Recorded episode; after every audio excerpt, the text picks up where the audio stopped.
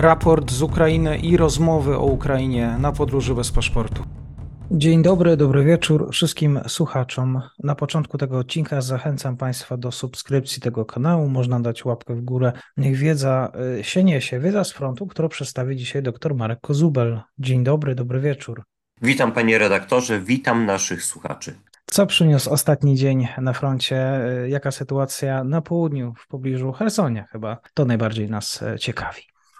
Tak, otóż dzisiaj z rana pojawiły się pogłoski na temat tego, że Rosjanie mogą się wycofywać z całego prawego brzegu Dniepru, czyli chodzi o zachodnią część obwodu hersońskiego, która się znajduje właśnie e, po tej drugiej zachodniej stronie rzeki Dniepr.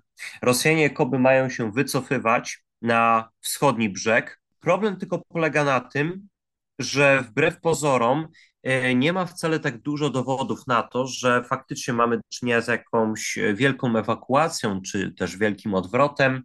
E, pierwotnie źródłem e, takiej informacji był jeden z rosyjskich kanałów telegramowych. Jedna informacja, jeden post właśnie jednego z rosyjskich użytkowników Telegrama, gdzie donoszono o tym, że E, większość rosyjskich oddziałów znajduje się już na lewym brzegu Dniepru, że co ciekawe, wywożone są z Hersonia pomniki, wszelkie upamiętnienia. E, tutaj może wrócimy jeszcze do tego potem wątku, a także pojawia się również informacja, że bardzo wielu przedstawicieli władz, w tym również kolaborantów, e, zostało właśnie też już ewakuowanych. Ponadto pojawiły się również fotografie, które przedstawiały e, Hersoń i na niektórych z tych właśnie fotografii brakowało na e, budynkach administracji flag rosyjskich. No a teraz jeżeli chodzi o konkrety. Otóż Rosjanie przy okazji oczywiście blokują miejscowej ludności dostęp do telefonii komórkowej, do internetu, wyłączane były wieże telefoniczne, także próbowano właśnie coś na pewno zamaskować. Ja tylko pozwolę sobie przypomnieć, że już y, jakiś czas temu, stosunkowo niedawno, też mieliśmy do czynienia z podobną sytuacją, gdy też pojawiły się informacje o generalnym rosyjskim odwrocie na lewobrzeżną część obwodu hersońskiego i też tak samo Rosjanie starali się za wszelką cenę blokować miejscowej ludności dostęp do internetu oraz telefonii komórkowej. Dlaczego to robiono? Myślę, że łatwo możemy się domyśleć. E, otóż nie wszystko da się e, wypatrzyć z satelity. E, I bardzo często właśnie dlatego wywiad ukraiński bazuje też na informacjach przekazywanych od takich ludzkich kontaktów, czyli jakichś miejscowych agentów, informatorów, którzy na przykład kierują się e, motywem patriotycznym.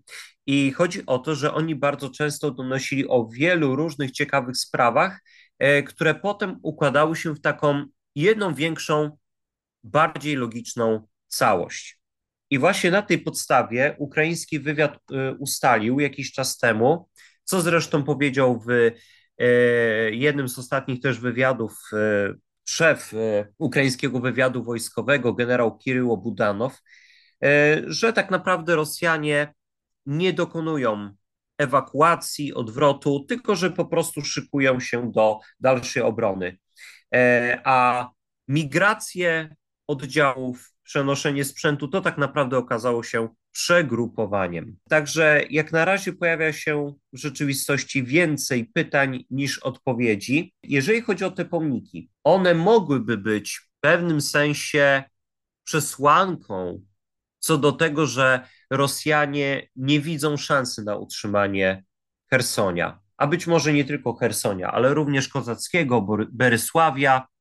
Chodzi o to, że Rosjanie są bardzo mocno przywiązani do swoich symboli, czy to tych związanych z epoką imperialną, czyli przykładowo wszelkich upamiętnień poświęconych swoim carom, imperatorom, tudzież e, jakimś dowódcom tego okresu, powiedzmy generałowi Suworowowi.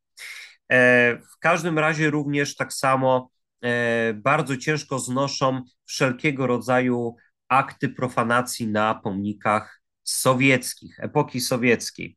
Takich co prawda dużo nie zostało, ale pamiętajmy, że Rosjanie zawsze, kiedy zaczynają jakąkolwiek okupację, to jedną z pierwszych rzeczy, na których się skupiają, to postawienie nowych pomników. On, oni trochę to traktują jako taki e, znak mający symbolizować, że ta ziemia należy już do nich. Tak więc z jednej strony również możemy to symbolicznie interpretować, tę tą ewakuację pomników, wszelkich upamiętnień, jakichś tablic, ale tutaj bym się jednak jeszcze nie śpieszył z stwierdzeniem, że Rosjanie na pewno się ewakuują. Otóż pojawiły się również doniesienia, że Rosjanie e, po prostu w sposób bardziej troszeczkę zamaskowany starają się szykować do obrony. Trwa rotacja oddziałów, kolejna prawdopodobnie. E, Rosjanie być może będą pomniejszać swoje przyczółki na prawym brzegu Dniepru, ale wbrew właśnie pozorom pojawiają się sygnały, że może dojść do obrony. I tutaj jeszcze jedna kolejna ciekawostka. E, jakiś czas temu pojawiły się też doniesienia, że Rosjanie celowo przybierają część swoich oddziałów w ubrania cywilne. I czemu ma to służyć?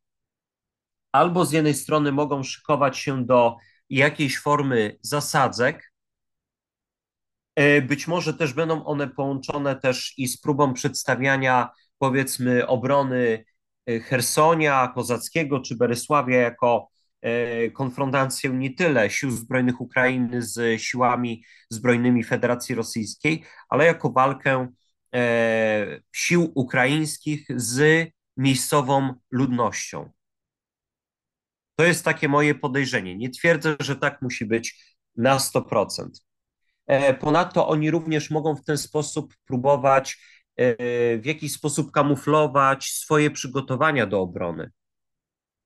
Tak więc te przebranie żołnierzy za cywili e, może mieć naprawdę kilka praktycznych zastosowań. Poza tym, no, wiadomo, że Ukraińcom udało się wyzwolić przynajmniej jedną miejscowość na północ od Hersonia. E, to już jest ten taki właśnie odcinek krajnie północny, jeżeli chodzi o e, front w obwodzie hersońskim.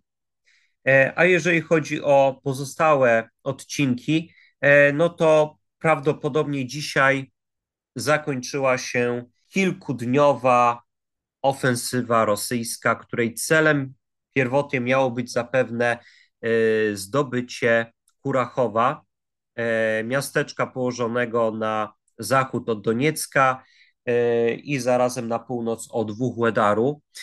Zaraz po sąsiedzku toczyły się też walki mające na celu otoczenie bronionej przez Ukraińców Awdijiwki. No i tutaj należy właśnie podkreślić, że oba starcia na obu kierunkach Rosjanie ponieśli porażkę. Oba starcia zakończyły się właśnie ich dość kosztowną porażką. Straty ponoć mają iść w tysiące poległych oraz rannych żołnierzy. Jeżeli z kolei chodzi o Bachmut, to tutaj można tak powiedzieć, nawiązując do tytułu powieści Remarka, pod Bachmutem bez zmian. Jeszcze raz bardzo dziękuję e, Marku za Twoje podsumowanie. Słuchaczom dziękuję za odsłuchanie raportu. Jesteśmy e, w nieustającym kontakcie. Do usłyszenia. Dziękuję za zaproszenie i pozdrawiam i pana redaktora oraz naszych słuchaczy. Dziękuję.